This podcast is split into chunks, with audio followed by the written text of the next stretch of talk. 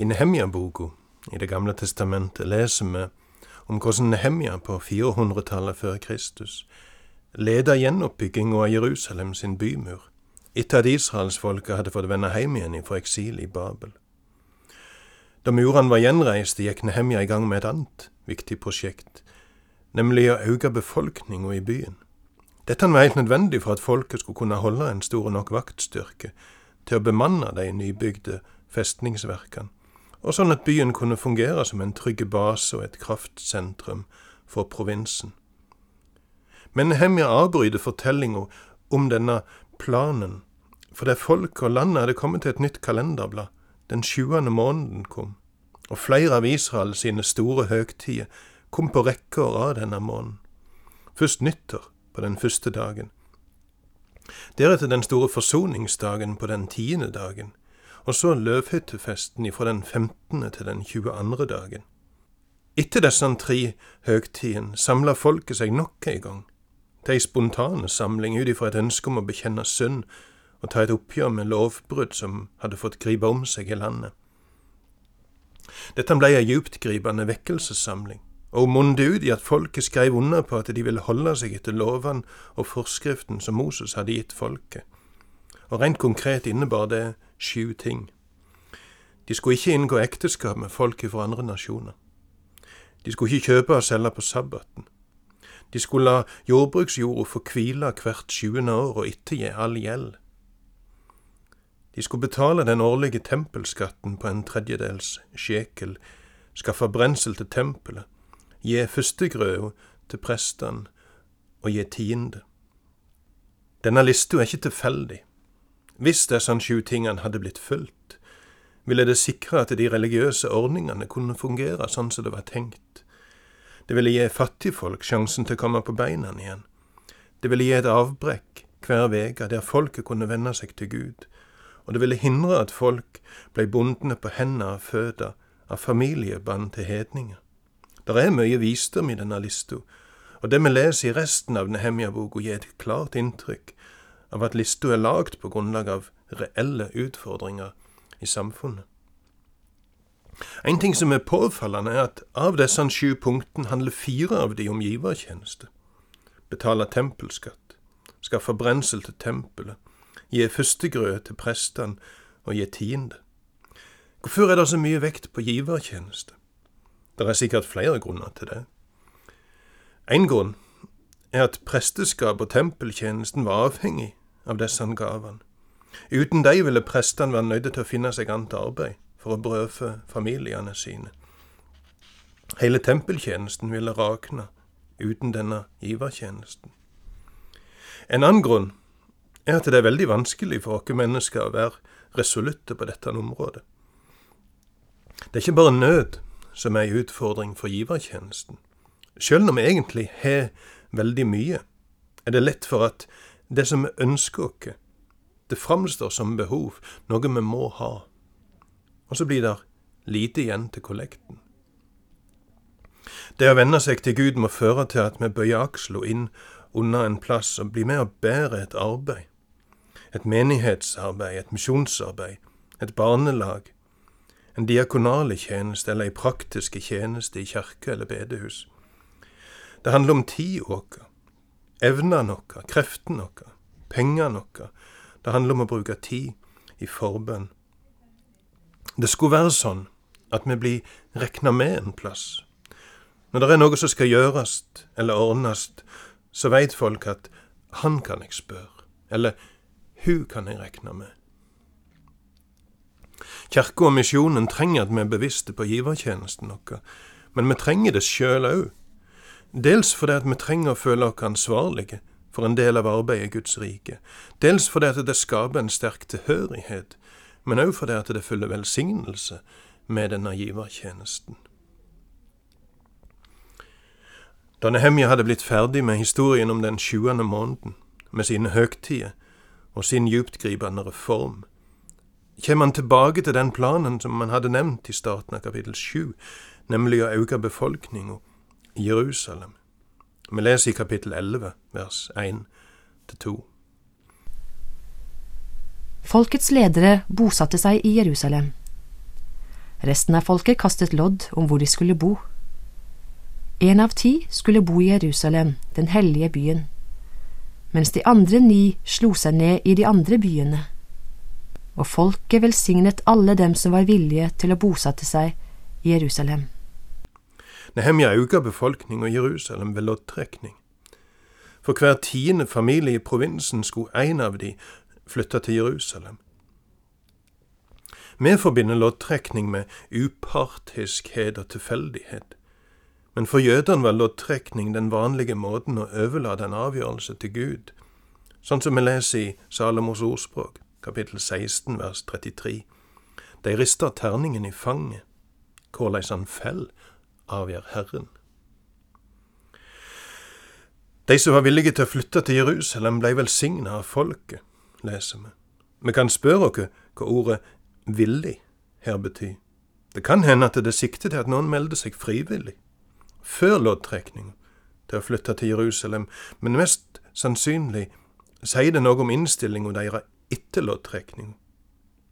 Folk hadde antagelig ikke noe valg når loddet falt på dem.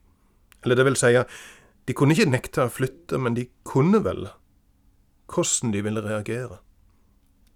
Den gang som nå kan folk gjøre sin plikt med hele spekteret av holdninger, ifra sinne og furting til vakse storsinn. Furting skaper misstemning. Storsinn og velvillig lydighet, det smører samfunnsmaskineriet og det lette lederne sin oppgave. Resten av kapittel 11 er ei liste over de av Judas stamme og Benjamins stamme som flytta til Jerusalem. Første del av kapittel 12 er ei liste over de levittene og prestene som flytta til Jerusalem. Her vil vi hoppe over disse listene, og vi leser fra kapittel 12 vers 27 til 43. Da muren rundt Jerusalem skulle innvies, ba de levittene fra alle steder komme til Jerusalem for å feire innvielsen med glede og takk, med sang og cymbaler, harper og lyrer. Sangerne samlet seg. De kom fra områdene rundt Jerusalem og fra landsbyene til Netofa-slekten, fra Bet Hagilgal og fra markene ved Geba og Asmavet. For sangerne hadde bygd seg landsbyer rundt Jerusalem. Prestene og levittene renset seg selv. Så renset de folket, portene og muren. Jeg lot Judas ledere stige opp på muren og stilte så opp to store takkekor. Det ene gikk til høyre på muren, mot møkkporten. Etter dem fulgte Hoshaya og halvparten av lederne i Juda, og Asarya, Esra, Meshulam, Juda, Benjamin, Shemaya og Jeremia, og noen av prestene med trompeter. Det var Zakaria, sønn av Jonathan, sønn av Shemaya, sønn av Matanya, sønn av Mikaya, sønn av Sakkur, sønn av Asaf, og brødrene hans, Shemaya, Asarel, Melalai, Gilalai, Maai, Netanel, Juda og Hanani, med musikkinstrumentene til David, Guds mann, og Esra, den skriftlærde, som gikk foran dem. De gikk over til kildeporten og opp trappene til Davidsbyen, til trappen der muren går opp til Davids hus og fram til vannporten i øst. Det andre takkekoret gikk motsatt vei, og jeg fulgte etter sammen med halvparten av folket oppe på muren, forbi ovnstårnet og helt til den brede muren, forbi Efraimporten, Gamleporten, Fiskeporten, Hananeltårnet og Hundretårnet til Saueporten. De stanset ved vaktporten. Begge takkekorene ble stående ved Guds hus. Det samme gjorde jeg og halvparten av stormennene med meg. Videre prestene Eliakim, Maaseya, Minyamin, Mikaia, Elioenai, Zakaria og Hananya med trompeter. Maaseya, Shemaya, Elasar, Ussi, Johanan, Malkia, Elam og Eser. Sangerne stemte i under ledelse av Jishraja. De bar fram store offer den dagen, og de var glade, for Gud hadde gitt dem en stor glede. Kvinnene og barna var også glade. Jerusalems glede kunne høres langt borte. Her får ei skildring av innvielsen av den gjenoppbygde muren. Folket er delt i to grupper som starter fra samme plass og marsjerer hver sin vei oppe på muren. Utgravninga har vist at bymuren var inntil åtte meter brei, så det var god plass for de to prosesjonene. Folket møttes på østsida av byen, nær tempelet, og gikk derifra til ei samling i tempelet. Det får meg til å tenke på 17. mai-togene her i Norge. Vi gjeng i tog for å feire fred og frihet, og så monner prosesjonen opp i ei fullsette kjerke for å takke Gud for at Han har velsigna landet vårt.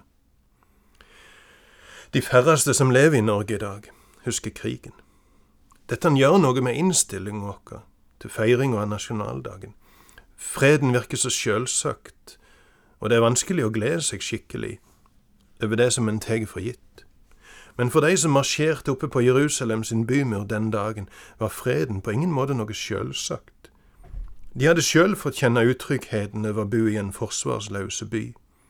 Den jødiske historikeren Josefus skildrer tilstanden i Jerusalem sånn som dette. Muren er revet ned. Nabofolk plyndrer landet.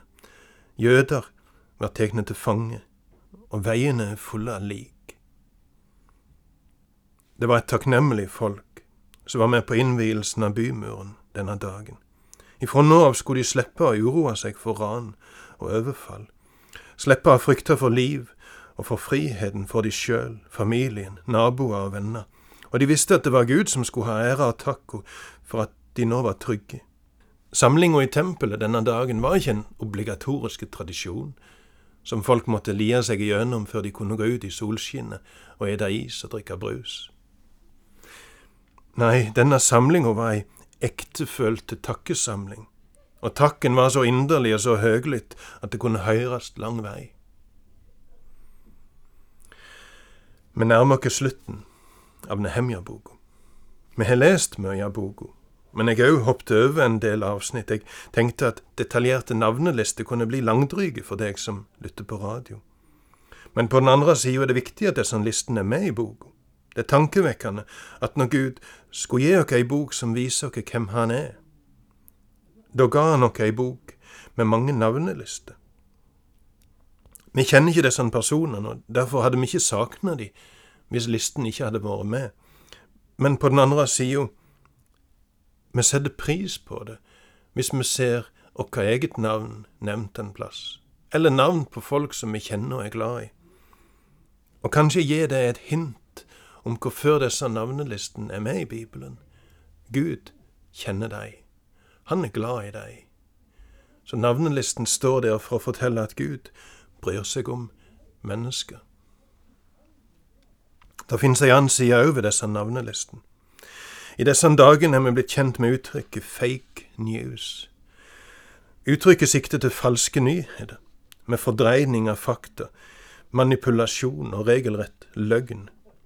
På bakgrunn av folk sin økende mistillit til det de hører, er det tankevekkende at Nehemja-boka er stappfull av faktaopplysninger.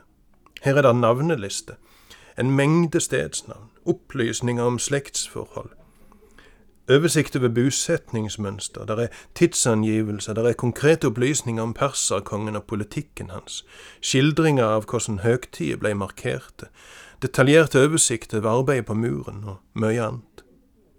Der er bokstavelig talt tusen opplysninger i denne boka som stiller henne åpen for hogg for faktasjekkere. De som skal vri på sannheten og fortelle noe som ikke er sant, de må uttrykke seg på en sånn måte at det er vanskelig å etterprøve det de sier. Men den som forteller sannheten, derimot, er ikke redde faktaopplysninger, og de er det fryktelig mange av i Nehemja-boka.